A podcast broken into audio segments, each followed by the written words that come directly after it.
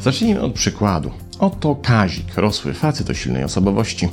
Uznaje się za pełni świadomą, autonomiczną jednostkę, która dokonuje właściwych dla siebie wyborów, nie bacząc na to, co o nim mówią i myślą inni.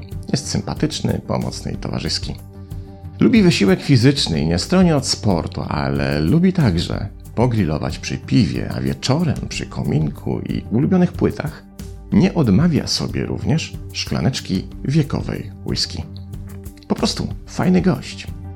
I tenże fajny Kazik w tym roku ma akurat taką przypadłość, że jego czterotygodniowe wakacje dzielą się dokładnie na dwie połowy.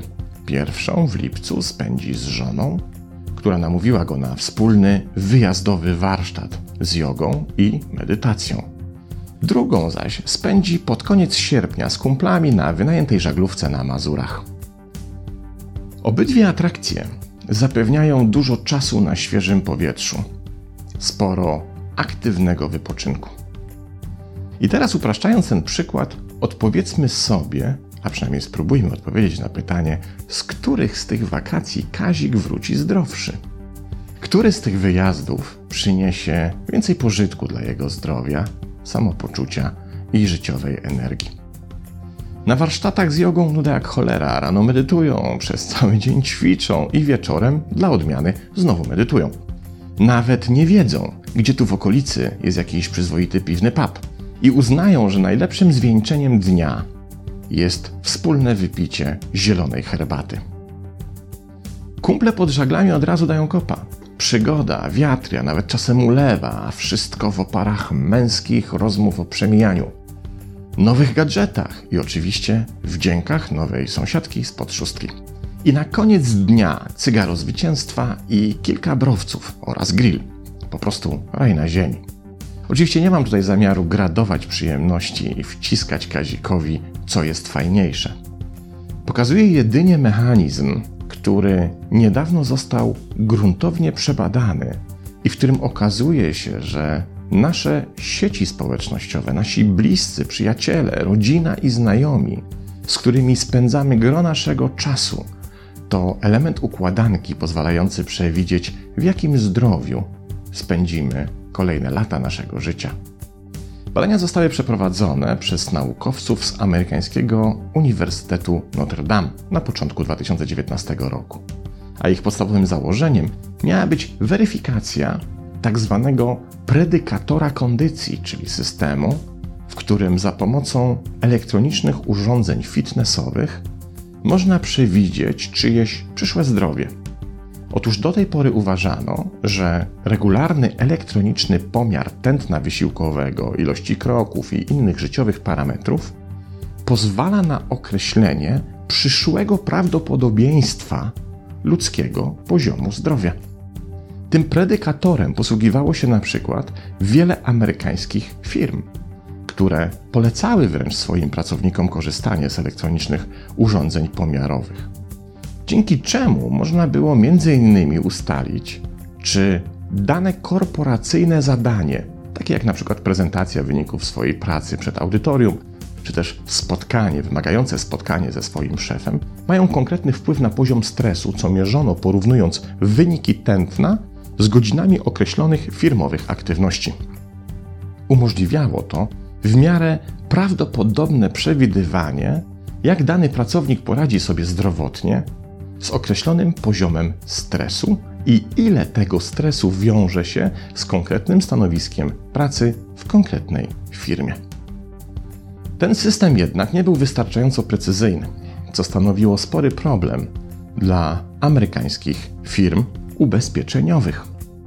Poszukiwano więc dodatkowych źródeł informacji, za pomocą których można by przewidzieć czyjeś zdrowie z dużo większym prawdopodobieństwem.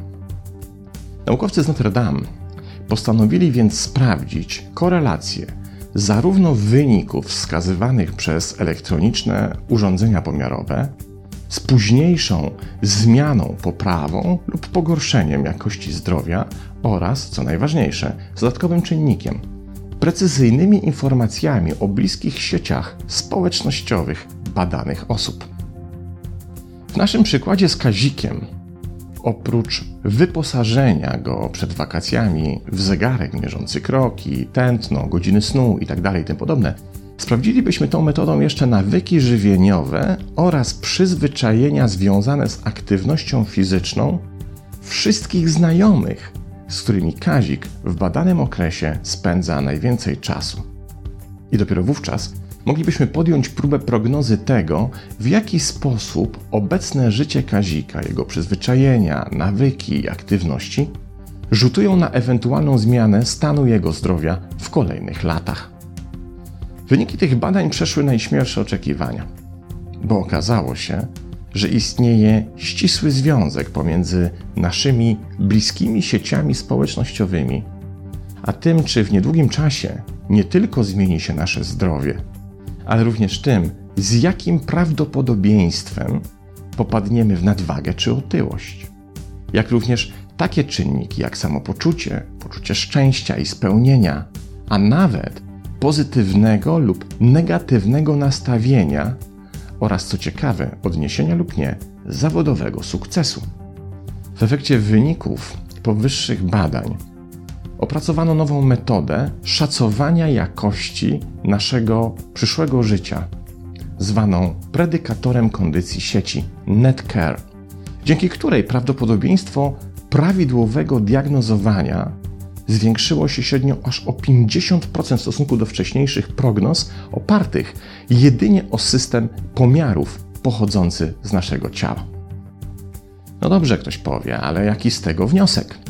No może poza tym, że firmy ubezpieczeniowe mają nową metodę określania prawdopodobieństwa stanu naszego zdrowia, po którą to metodę sięgną pewnie w najbliższym czasie również kredytodawcy, oceniając, czy dobrze rokujemy spłatę kredytu, szczególnie w kontekście kilkunastoletniej przyszłości. Moim zdaniem wniosek jest niezwykle istotny. Otóż, skoro istnieje tak wyraźna korelacja pomiędzy tym, jakimi ludźmi się otaczamy, a tym, jak najprawdopodobniej będziemy sobie radzić z ogólnym zdrowiem, nadwagą, otyłością, szczęściem, spełnieniem, pozytywnym nastawieniem, a nawet sukcesem, to powinniśmy trochę uważniej przyjrzeć się naszemu obecnemu środowisku. To, co dzisiaj wydaje się fajne, niewinne, pełne ubawu, może jednocześnie wskazywać, że już niebawem ten ubaw może się dla nas źle skończyć, że na to, kim się stajemy, nie tylko pracujemy sami, ale też czynią to za nas wpływy innych, którym nieświadomie ulegamy.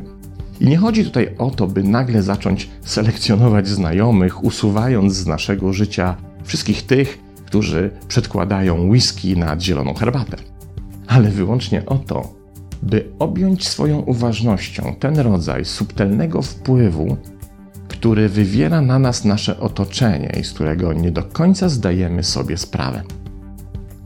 Lubimy przecież myśleć o sobie jako o autonomicznych jednostkach, które same decydują o tym, co jedzą, piją i jakiej aktywności każdego dnia się oddają. Niestety, przytoczone badania wskazują, że istnieje zasadnicza różnica pomiędzy tym, jak postrzegamy rzeczywistość, a tym, jaką się ona naprawdę jawi i to już w niezbyt odległej perspektywie. W jednym z poprzednich mini wykładów, zdaje się, że jakieś dwa lata temu, opowiadałem o tym, w jaki sposób programują nas nasi znajomi. Jak programują nasze osądy, przekonania, to co myślimy o świecie, innych ludziach oraz to, w jaki sposób podchodzimy do rozwiązywania naszych problemów. Dwa lata później naukowcy z Notre Dame nie tylko potwierdzają tamte tezy swoimi badaniami, ale też znacznie rozszerzają ten wachlarz wpływu. Znajomi, rodzina, bliscy i ci, z którymi spędzamy najwięcej czasu, implementują nasz system nie tylko wartościami i przekonaniami, implementują go również przyszłą jakością naszego zdrowia, szczęścia i sukcesu. Moglibyśmy powiedzieć, że współczesna sprytna wróżka już nie potrzebuje szklanej kuli, fusów z kawy czy talii kart, by w miarę precyzyjnie przepowiedzieć naszą przyszłość. Wystarczy, że przejrzy naszych najbliższych znajomych w naszych sieciach społecznościowych. Zarówno tych wirtualnych, jak i jak najbardziej realnych. Pokaż mi swoich znajomych, pokaż mi, co robią, co ich zajmuje, jak myślą, co jedzą i piją, a powiem ci, co cię czeka w najbliższej przyszłości. To trochę przerażające, bo odsłania naszą słabość tam, gdzie się jej najmniej spodziewamy. Nie tylko przerażające, ale przede wszystkim, na co mam nadzieję, dające do myślenia. Pozdrawiam.